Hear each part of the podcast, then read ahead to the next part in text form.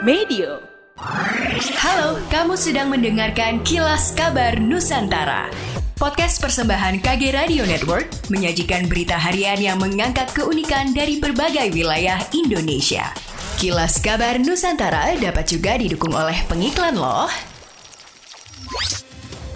Keributan terjadi saat rapat dengar pendapat RDP di ruang Badan Anggaran DPRD Makassar membahas lokasi proyek pengolahan sampah menjadi energi listrik PSEL di Makassar. Terpantau dipicu karena sejumlah warga menolak lokasi PSEL di Tamalandria. Mereka menginginkan proyek dibangun di TPA Antang Kecamatan Manggala. Selain itu mempertanyakan alasan proyek dibangun jauh dari tempat pembuangan akhir sampah. Wakil Ketua DPRD Makassar Adi Rasid Ali mengatakan rapat menghadirkan warga bersama tim ahli dari pemerintah. Dia menjelaskan pembahasan pembahasan mengenai lokasi yang tepat untuk proyek PSEL, di mana acuan peraturan daerah Perda nomor 4 tahun 2015 dan diperkuat dengan peraturan wali kota mengenai tata ruang kota. Politisi Partai Demokrat itu menegaskan DPRD Makassar akan condong terhadap aturan yang sudah ada. Pihaknya menyebut ada banyak regulasi yang perlu disesuaikan jika lokasi PSEL tetap ingin dibangun di Tamalandrea. Wakil Ketua DPRD Makassar Adi Rasitali menambahkan lokasi pembangunan PSEL butuh kajian panjang. Hal ini perlu mempertimbangkan mempertimbangkan aspek lingkungan hingga dampak sosial masyarakat di sekitar lokasi proyek.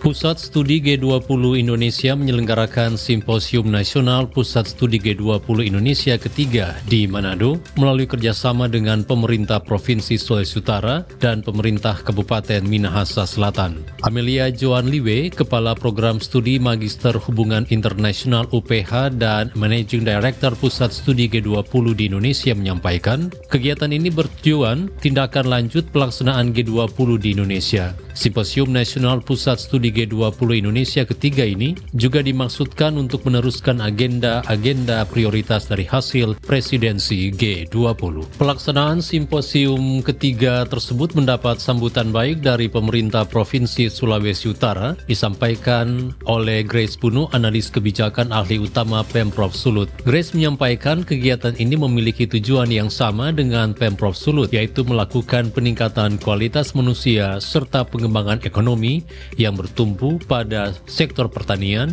pariwisata, dan juga jasa.